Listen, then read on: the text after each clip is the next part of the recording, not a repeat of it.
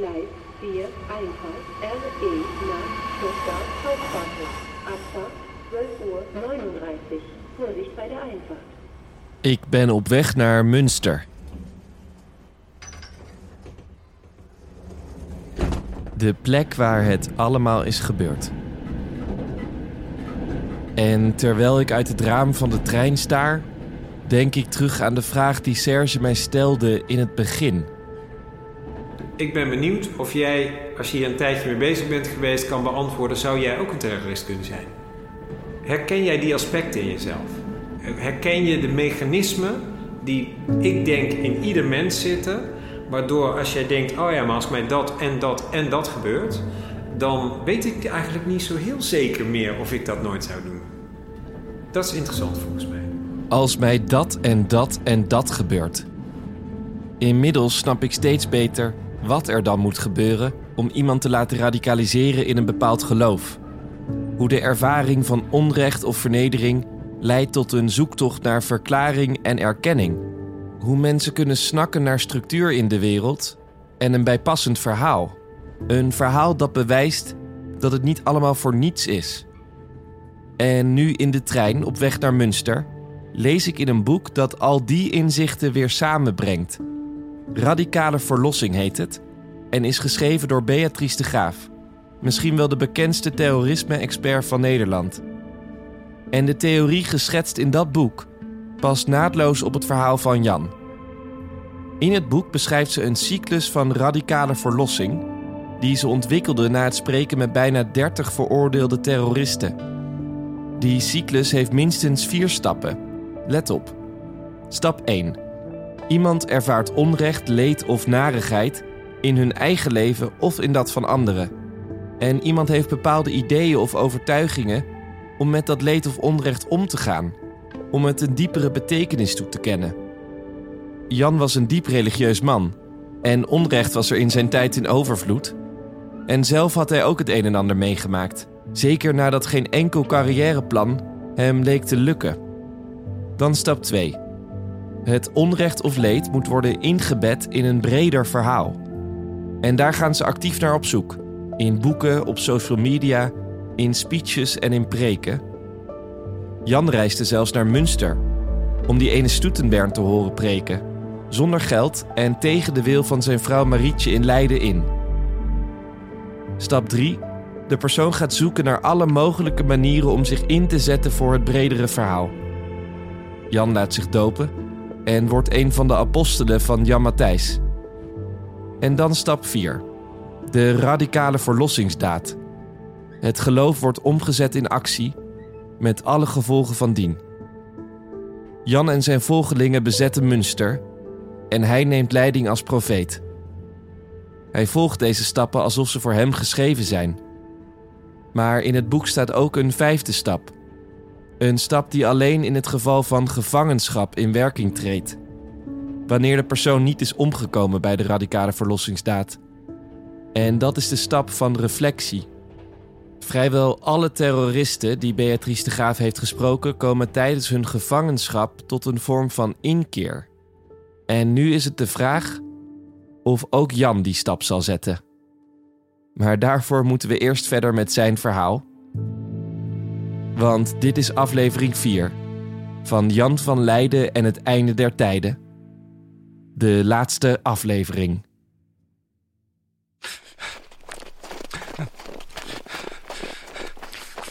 De ochtend na de bijeenkomst op het Domplein, waar Jan van Leiden zichzelf als nieuwe profeet had gepresenteerd, schrokken de inwoners van Münster plotseling wakker door luid geschreeuw. Mensen die voorzichtig uit het raam gluurden, zagen een poedelnaakte Jan van Leiden langsrennen. Hij kraamde van alles uit over boete doen en de komst van Jezus. Maar plots werd hij stil. Hij draaide zich om en haastte zich weer terug naar het huis van Knipper Dollink, waar hij logeerde. Onderweg maakte hij met gebarentaal duidelijk dat hij zijn stem kwijt was. Dat de man die met woorden zoveel kon bereiken, ineens zijn gave was verloren. Hij liet de mensen op straat verbijsterd achter en bleef drie dagen lang in stilte thuis, biddend. Toen liet hij alle inwoners naar het Domplein komen, waar hij in een prachtig gewaad en met een versierd zwaard de menigte stond op te wachten. Hij had zijn stem blijkbaar weer terug en hij had een belangrijke boodschap. Er moesten ingrijpende veranderingen plaatsvinden in de stad. Hij reorganiseert het, het, het hele openbare leven. Want Münster was, voordat de wederdopers die stad zich toegeëigenden, welvarende handelsstad. Maar nu was de stad in staat van oorlog en de wederdopers hadden natuurlijk alle poorten gesloten. Alles viel stil, vertelt de historicus Luc Panhuizen mij. En die wederdopers hadden dus deze stad afgepakt. En die waren gewoon bezig eh, het economische leven en het maatschappelijk leven en de tradities totaal te verwoesten. Stadsarchieven zijn allemaal in de fik gegaan. Gewoon omdat uitverkorenen geen administratief verleden mogen hebben. Geen schuldbrieven mogen hebben. Iedereen schoon. Dus om de mensen niet eh, zich te pletter te laten vervelen, maar ook niet natuurlijk om de opstandigheid te voeden, moest Jan ze iets te doen geven. Hij moest eigenlijk een nieuw openbaar leven voor de heilige gemeenschap moest hij gaan uitvinden. De gemeenteraad werd vervangen door twaalf oudsten, wiens namen Jan toevallig al van God had doorgekregen. Dus één voor één riep hij ze naar voren. Daar knielden ze, vaak in tranen van geluk. En in die hofhouding formeert hij een soort van regering. Waarin hij draagvlak probeert te creëren, zoals wij het nou zouden zeggen. Hij is aan het polderen. Dus in al die verschillende groepen van inkomelingen, maar ook van oorspronkelijke bewoners in dat Münster, probeert hij afgezanten van die groepen een plek te geven in die regering. Knipper Dollink werd benoemd tot zwaarddrager, wat simpelweg betekende dat hij de meeste executies zou gaan uitvoeren. En die predikant Stoetenbernd, waar Jan als kroegbaas ooit voor naar Münster was afgereisd, werd belast met het schrijven van propagandamateriaal. En uh, dat is zijn, laten we zeggen, zijn regering van wijze. Het moeten twaalf oudsten zijn. Twaalf naar het getal van de stammen van Israël uit het Oude Testament. Kort na de aanstelling van de twaalf oudsten organiseerde profeet Jan een groot avondmaal voor het heilige volk. Bij iedere stadspoort werden lange tafels geplaatst waar de bewoners met elkaar mochten dineren. Jan ging langs bij alle tafels en voordat men mocht beginnen met eten, moest iedere bewoner verklaren bereid te zijn om voor God te sterven. Alles was theater. Toen bleek zijn verleden als rederijker goud waard.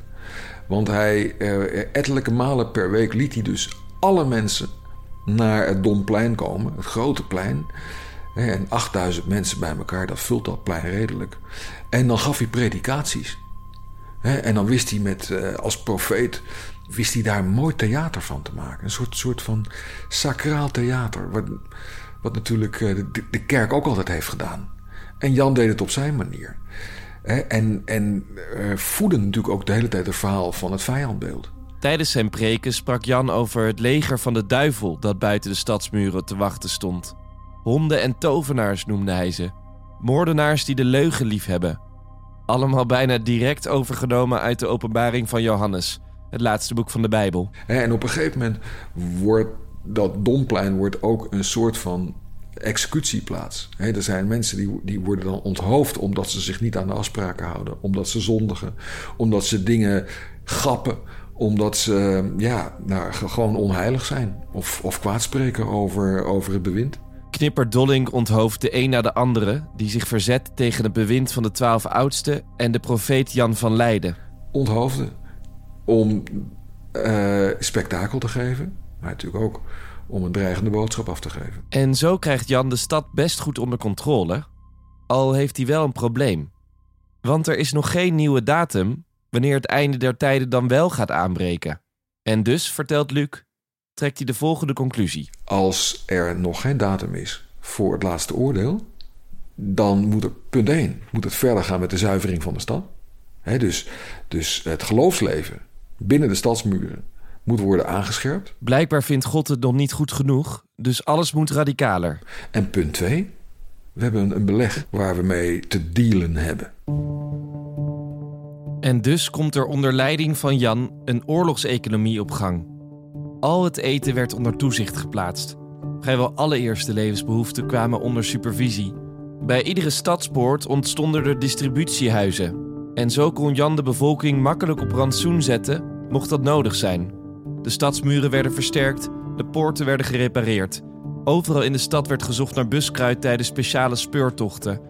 De vrouwen van de stad maakten pekkransen en grote hoeveelheden ongebluste kalk om vanaf de muur op mogelijke bestormers te kunnen gooien.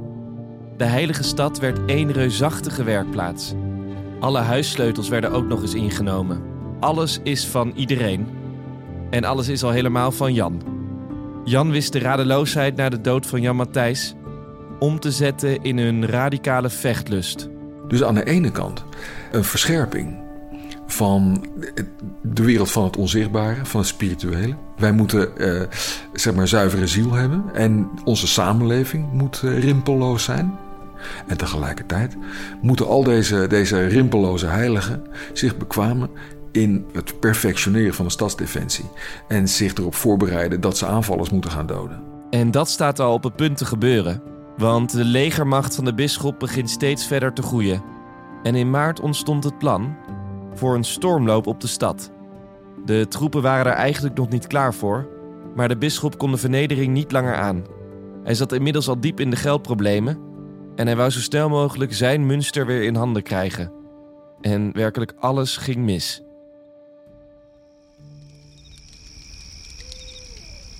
Diep in de nacht, drie dagen voor Pinksteren, wanneer de geplande stormloop zou moeten plaatsvinden, sluipen een groepje wederdopers het kamp van de bisschoppelijke troepen binnen. Ze weten dertig dronken of slaperige soldaten te doden en saboteren dertien kanonnen. Beter had deze operatie niet kunnen verlopen en de legerleiding van de bisschop besluit de stormloop drie dagen uit te stellen. Maar dat wisten ze niet goed te communiceren naar alle soldaten. Dus op Pinksterochtend staat een van de soldaten op en begint te roepen dat de dag van de strijd is aangebroken. In totale chaos rennen er honderden soldaten op de stad af. De omliggende kampen raken ook in paniek. De stormloop was toch uitgesteld? Vanaf de stadsmuur kon de ene na de andere soldaat van de bisschop worden neergeschoten. 200 soldaten werden gedood tegenover vijf wederdopers. Het moraal van de troepen was zelfs zo laag dat 100 soldaten uiteindelijk overliepen naar het nieuwe Jeruzalem. Het leger moest met een nieuw plan komen en dat plan was om een hele grote heuvel te bouwen, even hoog als de stadsmuur, en op die manier de stad binnen te kunnen dringen. Een absurd plan, dus ik laat het Luc even uitleggen. Want die stad heeft behoorlijk wat kanonnen. En er vallen uh, veel doden onder de soldaten die de stad uh, durven te benaderen. Maar als je een grote bult opwerpt, dan, dan heb je iets wat even hoog is als de stadsmuur. Je kunt je dan aan de andere kant kun je verschuilen. En als je dan uh, aan de voorkant iedere keer weer aarde weet uh, te gooien, dan beweeg je die bult ook voorwaarts. En zo nader je dan op een gegeven moment, als het goed is, de stadsmuur. En heb je zelfs een soort van helling waarmee je die, die stadsmuur kunt gaan oprennen. Vanaf die stadsmuur zagen de wederdopers in de verte langzaam een heuvel ontstaan. Dag en nacht bouwden er honderden mannen schepje voor schepje aan mee. Het was duidelijk dat dat project maanden zou gaan duren. En daarnaast maakten de wederdopers zich geen zorgen meer. Ze hadden al een stormloop met groot succes doorstaan. En daarom was er voor Jan alle tijd om verder te werken aan zijn project: het Nieuwe Jeruzalem. Een van de problemen die de aandacht van Jan vroegen was het evenwicht in de bevolkingsopbouw. Münster telde namelijk bijna drie keer zoveel vrouwen als mannen. Münster was eigenlijk gewoon een vrouwenstad. En die vrouwen die zijn door veel oorspronkelijke Münsteraars, dus de oorspronkelijke bewoners, in het huis achtergelaten. Die man die vlucht, heel heldhaftig, en liet zijn vrouw achter. Die vrouwen die worden opstandig. En heel veel mannen zitten zonder vrouw.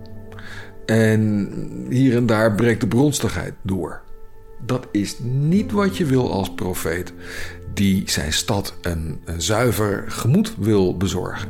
Dus Jan komt met het idee om alle mannen te laten trouwen met meerdere vrouwen. Alle vrouwen, zelfs voormalig nonnen, werden verzocht zo snel mogelijk een man te kiezen. Gresbeck schrijft in zijn dagboek: En zo nam Jan van Leiden iedere dag meer vrouwen. Al zei men ook dat Jan van Leiden nog een vrouw had in Leiden, in Holland. Ja, dat is Marietje, die nog altijd in den Witte Lelie werkt. Uh, er, kwam enorm trammeland tussen de, de uh, mannen en vrouwen die net waren gehuwelijk. Hè, want die, die, dat, dat waren trotse vrouwen. Die, eh, ja, weet je, het is mijn stad.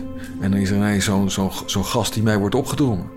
En dan had Jan van Leiden ook nog eens een keertje uh, verordoneerd... dat die vrouwen die man moesten aanspreken als heer en mijn gebieder. Dus daar werd ook binnen de kortste keren de spot mee gedreven. Oh, mijn heer en gebieder is weer dronken. Volgens Respect ontstond er een kloppenjacht. Om zoveel mogelijk vrouwen te kunnen trouwen. Waar zelfs elfjarige meisjes niet aan ontkwamen. En Jan lijkt met dit huwelijksplan zijn hand voor het eerst te hebben overspeeld. En het komt dus ook tot een aanval op de wederdopers, op Jan, terwijl de twaalf oudsten aan het vergaderen zijn. En Jan wordt daadwerkelijk even gevangen gezet. Uh, maar dan pakken de opstandelingen niet door. Ze, ze leggen geen contact met de bisschop van buiten.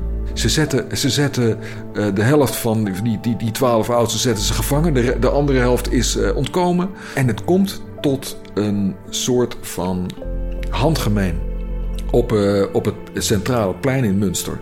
En uiteindelijk worden de opstandelingen neergeslagen. En dat kun je aan Jan van Leiden dan wel overlaten, op theatrale wijze terechtgesteld. Gesbeck schrijft dat de executie van zo'n 50 mannen drie dagen lang duurde. Op het Domplein hadden ze grote kuilen gegraven waarin ze de doden legden. Niets kon het nieuwe huwelijk nu nog in de weg staan. Alhoewel, die grote heuvel die de soldaten van de bisschop aan het bouwen waren, begon nu toch wel erg dichtbij te komen. Eind augustus stond hij al aan de eerste slotgracht. Maar eenmaal daar bleek hij toch niet zo bestand tegen de kanonnen als de legerleiding had bedacht. En nog veel erger, het begon eindeloos te regenen. Het is een, een, een, uh, een wolkbreuk die eigenlijk uh, niks van die bergen overlaat. En het wordt gewoon één grote, grote de kleffe, modderige plens. En daarmee komt ook zeg maar, dit aanvalsplan uh, niet tot stand. En toch wilde de bisschop de stormloop door laten gaan. Dus op 28 augustus 1534 was het zover. Alle kanonnen die de bisschop had, vuurden ze op de stadspoorten. De beschietingen duurden drie dagen lang en de poorten van de stadsmuur waren één groot gat geworden. Maar de buitenste muur bleef nog altijd staan. En alle pogingen om de stad in brand te zetten mislukten vanwege de aanhoudende regen. Daarnaast was het gebied tussen de stadsmuur en het kamp van de bisschop één grote modderpoel geworden. En dat hadden ze grotendeels te danken aan de heuvel die ze zelf hadden gebouwd. Maar toch op dag 4 stormden de soldaten met ladders op de stadsmuur af. Maar ja, de wederdopers hadden ook niet stilgezeten. Ze hadden de hele nacht doorgewerkt om alle schade aan de poorten te herstellen. En langs de hele muur stonden ketels vol borrelende pek en stapels stenen klaar om over de bestormende soldaten heen te gooien. Ja, en uh, ondertussen kwijten de, de, de, vrouwen van Münster zich uh, voorbeeldig. Want die hebben allemaal pekkransen hebben ze gevlochten. En er zijn uh, speciale tangen gemaakt om die brandende kransen dan te bevestigen. Om de nek van de soldaten die de stormladder opkomen klauteren tegen de muren op. Jan zou de hele aanval lang door de straten galopperen op zijn witte paard van poort naar poort om zijn broeders en zusters aanwijzingen te geven en moed in te praten. En toen de avond viel, werd duidelijk dat er weer een stormloop was afgeslagen. En zou God dan weer geholpen hebben?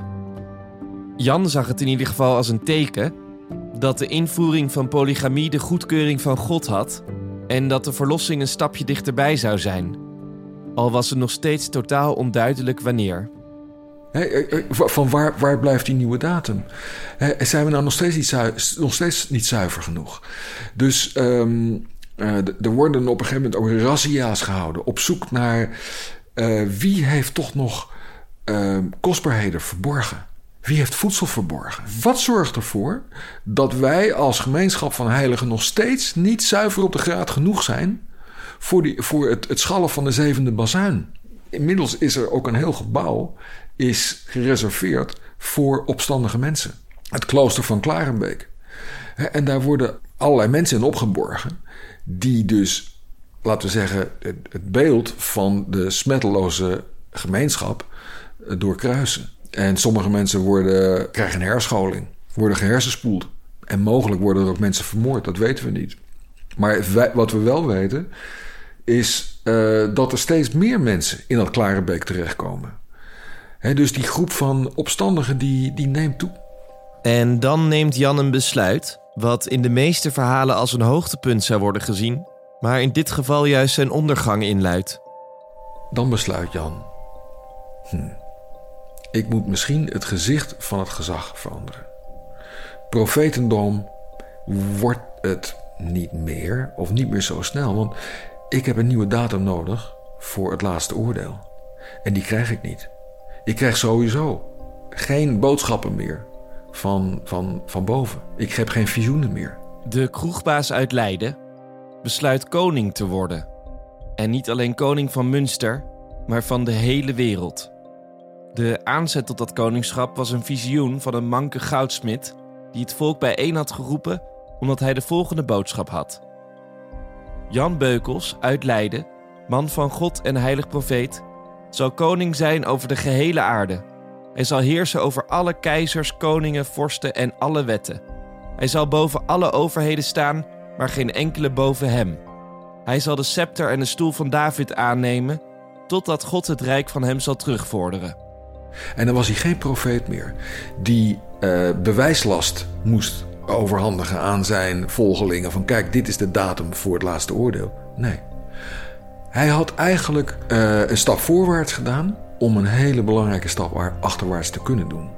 Weg uit het, uit het, het onbeheersbare spirituele domein en een stap richting eh, het seculiere, naar de openbare orde. Een koning handhaaft. Jan accepteerde het visioen van de manke goudsmid en kwam met een typische Jan van Leiden boodschap. Hij zou vier dagen geleden al een openbaring hebben gehad, waarin God hem vertelde dat hij koning zou worden, maar dat iemand anders het zou moeten verkondigen, zodat het niet de indruk zou wekken dat hij het uit eigen belang zou doen.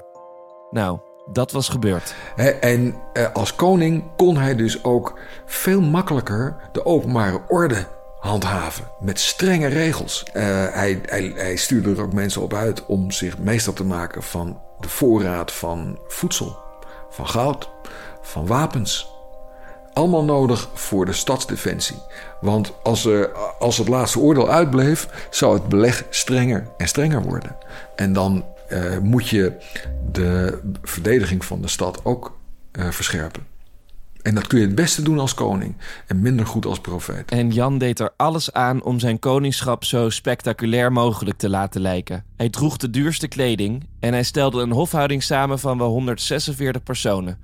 En de twaalf oudsten kregen allemaal een prominente plek. En intussen had hij al 16 vrouwen. Maar Diewertje, de weduwe van Jan Matthijs, bleef zijn eerste vrouw in Münster en werd koningin. Arme Marietje in Leiden.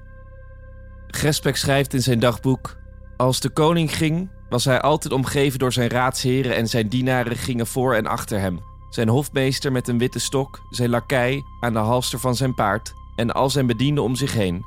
Als de koning op de markt kwam, had het volk zich daar al verzameld, mannen en vrouwen, jong en oud, om de koning te eren. Daar is de koning op zijn stoel gaan zitten, met links en rechts een jongen naast zich, de ene met een zwaard en de ander met een bijbel.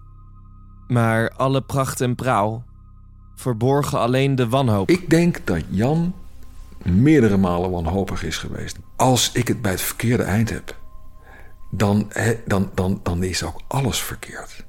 En dan is alleen maar het slechtst denkbare wordt mijn einde.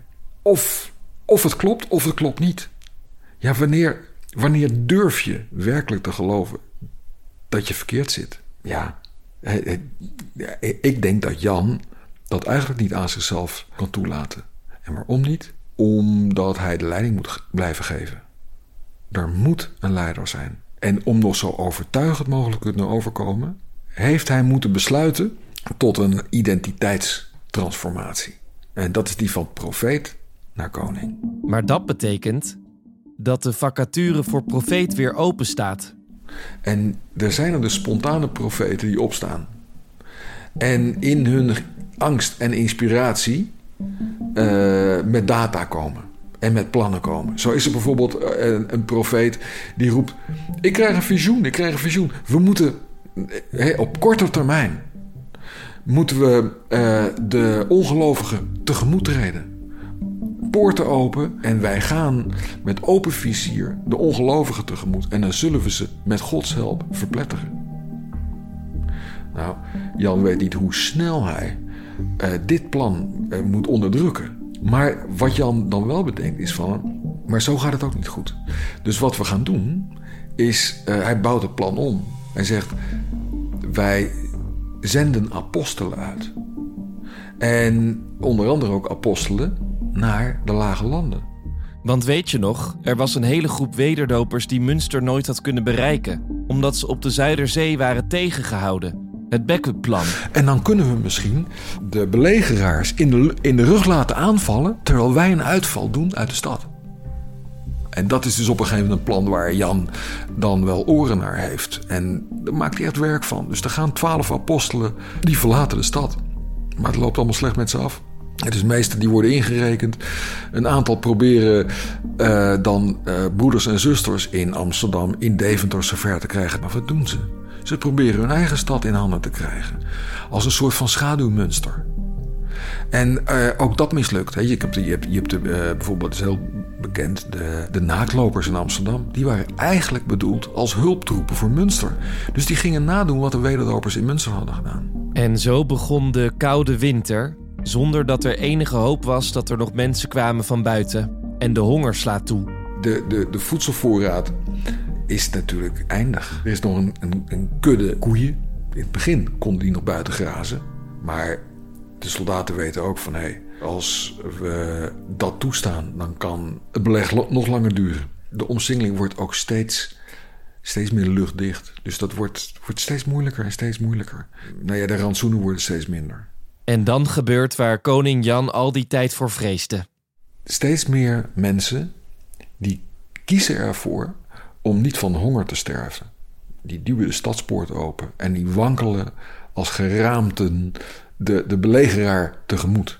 En vanaf de muren kunnen de soldaten zien dat vooral de mannen meteen over de kling worden gejaagd. Jan deed er alles aan om iedereen binnen te houden.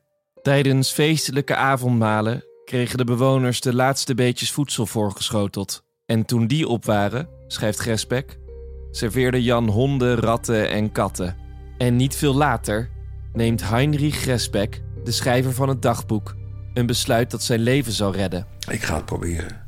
Ik, uh, ik ga een plan uitbroeden en ik ga deze stad ga ik verraden. Want dat is de enige manier om het zelf te overleven. En hij was zelf in de stad gekomen te, toen hij zijn moeder bezocht. En hij is gewoon bij zijn moeder gebleven toen uh, de mensen tijdens die koude winternacht de stad uit werden gejaagd. En hij had ettelijke malen wacht gelopen op de muren. En daarom had hij goed door welke poorten over het hoofd werden gezien. En er was een heel klein poortje. Alle, alle vestingsteden hebben dat. Van die kleine poortjes. Het is eigenlijk een klein deurtje waar je gemakkelijk overheen uh, kijkt. En met die deur in zijn achterhoofd sluipt Gresbeck de stad uit en wappert met een witte vlag naar de soldaten. En vertelt de bisschop het volgende. Kijk, als ik met een aantal soldaten die deur binnen en dan gaan we zo snel mogelijk naar een grote poort toe. En die zetten we open. En als u dan klaar staat met een aantal uh, soldaten en meteen binnen kunt komen, dan is de stad eigenlijk al van u. En dan zal het wel een, nog een, een groot gevecht leveren, maar als je eenmaal binnen staat uh, en, en de poorten staan open, dan, uh, dan zijn ze eigenlijk verloren. En zo, zo is het gegaan. Jan van Leiden met een aantal getrouwen verdedigt zich tot het aller, allerlaatst. Er zijn wederdopers die verstoppen zich op daken. Die uh, gaan op daken liggen en die bekleden zich met dakpannen om maar niet, opge, niet op te vallen. Vrouwen worden verkracht. Alle mannen die worden in die eerste aanval, die, die gevonden worden, die worden, die worden vermoord. Het is een verschrikkelijk bloedbad. En natuurlijk de, de prominenten, de twaalf oudsten, die worden gespaard. En vooral Jan van Leiden met, met zijn belangrijke companen zoals Bernd Knipper Dollink. En de beroemde burgemeester uit uh, Münster, die wordt ook gespaard. En zo belandt het verhaal van Jan van Leiden in het laatste hoofdstuk. Hij wordt een aantal maanden gevangen gezet in afwachting van zijn proces, in afwachting van een ijzeren kooi. Maar mijn verhaal is nog niet helemaal klaar. Ik heb nog één laatste afspraak. In Münster. Ik heb een afspraak bij de torenwachter en ik ben op zoek naar de bruine deur met het teken van de torenwachter aan de linkerkant van de kerk. Het voelt bijna als een soort Wie is de Mol opdracht. Alle deuren zijn bruin. Ik ben er stom toevallig tijdens mijn onderzoek achtergekomen dat de Sint-Lamberti-kerk, waar de kooien van Jan en zijn kompanen hangen, nog altijd een torenwachter heeft. Het helpt ook niet dat er een kerstmarkt is. Die torenwachter, Martje Talman, is de eerste vrouwelijke torenwachter in Duitsland en blaast nog elke avond de vredeshoorn over Münster uit. En ze heeft nog iemand uitgenodigd. Een lokale historicus die al bijna zijn hele leven onderzoek doet naar de wederdopers. Hallo. Goedenavond. Hi. Maatje. Hi, Max. Hi. Hallo, Ralph. Hi, Ralph. I've heard about you. He is really the expert on That is all things amazing. Anabaptist. Ik vertel aan Martje en Ralf dat ik voornamelijk Nederlandse bronnen heb gebruikt bij dit onderzoek. En dan in het bijzonder de verhalen van Luc Panhuizen. Yes, I know him. Oh, that's And he good. knows me. He is all right. Yeah, he's alright. You, ac- you accept him. Yes. Dat is fijn. Luc en Ralf kennen elkaar en Ralf is wel te spreken over het werk van Luc. take these off. So this is the way inside the church, this other door here. The organ player, he has the same... En zo beginnen we de tocht naar boven. Steeds een stap dichter bij de drie ijzeren kooien die nog altijd aan de kerk hangen. There they are. Pages! Oh, wow. Mind the step. Yeah. Be careful. Hoog boven Münster hangen drie kooien met ieder een lampje erin. Are, represent the souls. Um, they are with God, but we have the light to think uh, of them. It's good that the cages are still here because uh, otherwise we could not talk about what happened. Het viel me op dat Ralf met een bepaald soort verdriet over de wederdopers spreekt. Iets wat ik nog niet eerder iemand heb horen doen. Dus ik vraag hem wat voor relatie de stad Münster nu heeft met dit stuk geschiedenis. Oh, they are uh, happy that uh, it is uh, far away in Right. the past. But uh, they uh, do not take the chance to interpre- interpret it differently. People in Münster tried to build a new society.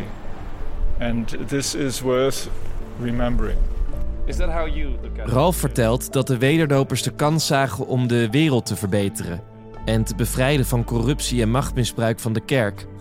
En dat het vooral die bisschop was die zijn eigen stad aanviel, die de radicalisering veroorzaakte. started with the war against Münster. The Prince Bishop made war against his own city.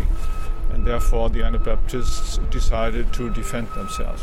En zo zie je maar, de loop van de geschiedenis is in de handen van de verteller. Want ook Jan van Leiden zelf had de goede bedoelingen volgens Ralf. What do you think about the person Jan van Leiden himself? Was he...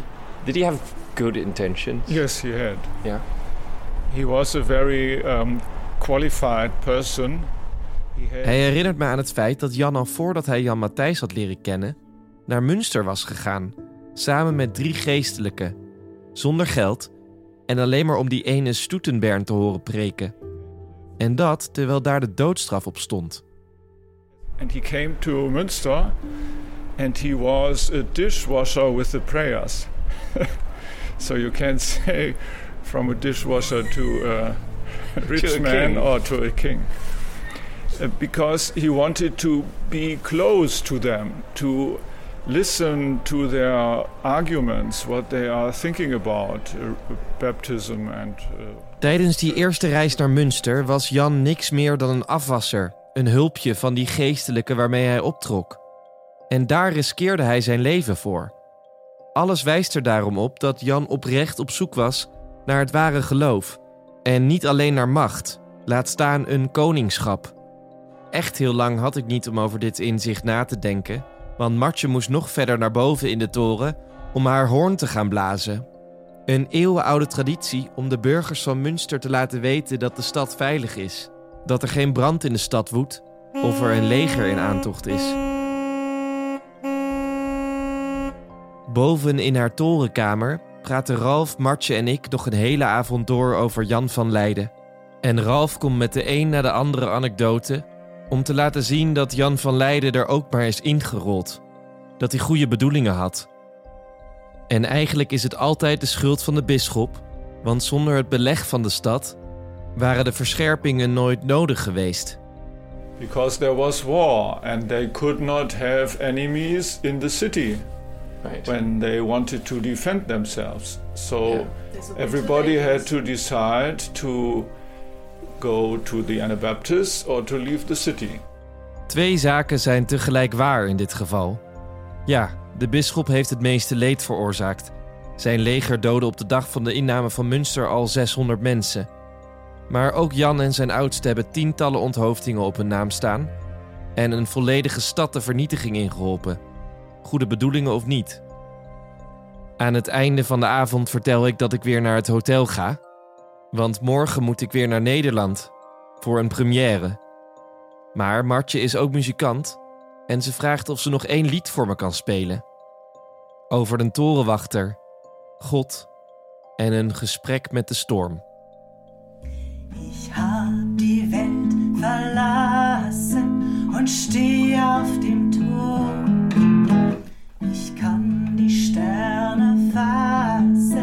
und sprechen mit dem Sturm. Ich bande die Gespenster und lebe fern dem Spott. Der Wind pocht an mein Fenster und spricht vom lieben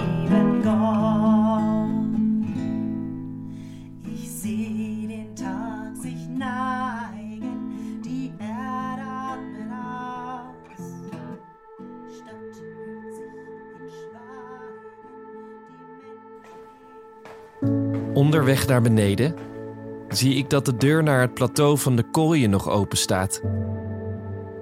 Ik loop naar ze toe en daar sta ik een tijdje. Nou Jan, het verhaal had een kop en een staart, zoals Luc al zei.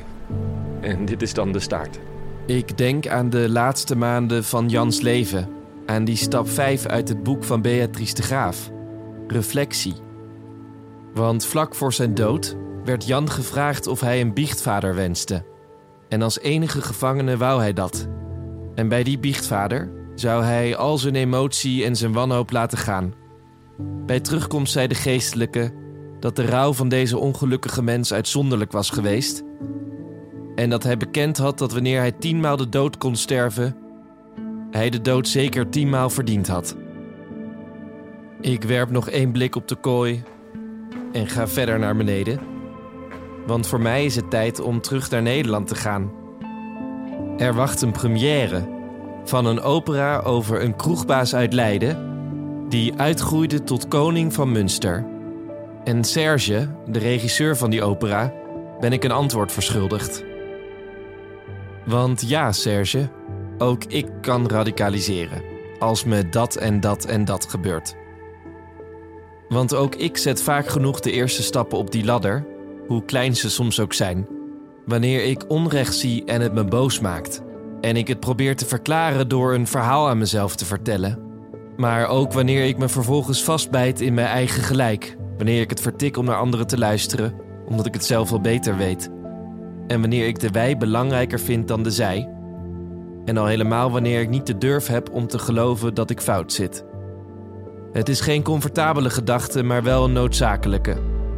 De schrijver Mark Twain schreef ooit: De geschiedenis herhaalt zich niet, maar ze rijmt wel.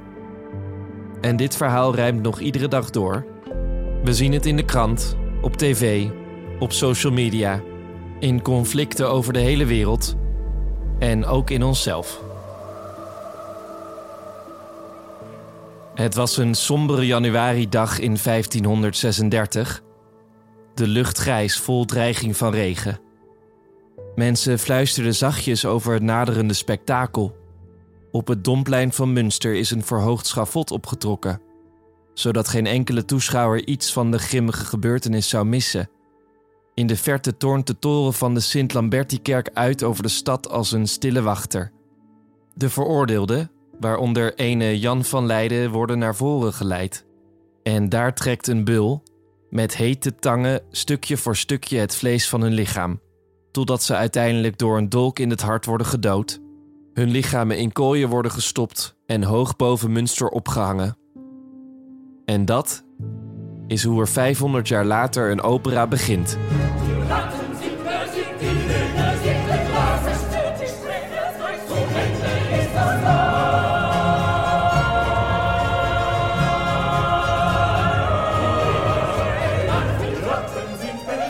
Dit was de laatste aflevering van Jan van Leiden en het einde der tijden. Een podcastproductie gemaakt door mij, Max Bogaert, in samenwerking met Opera Today en de Nederlandse Bachvereniging. Ik ben alle sprekers ontzettend dankbaar. Serge van Vechel, Bert-Jan Lietaert Peerbolte, Bob de Graaf, Martje Talman en Ralf Kleutser. En in het bijzonder de historicus Luc Panhuizen, wiens fantastische verhaal en boeken waaronder De Beloofde Stad van onschatbare waarde bleken. Want ik heb niet alles kunnen vertellen, maar gelukkig heeft hij alles opgeschreven. Bedankt voor het luisteren.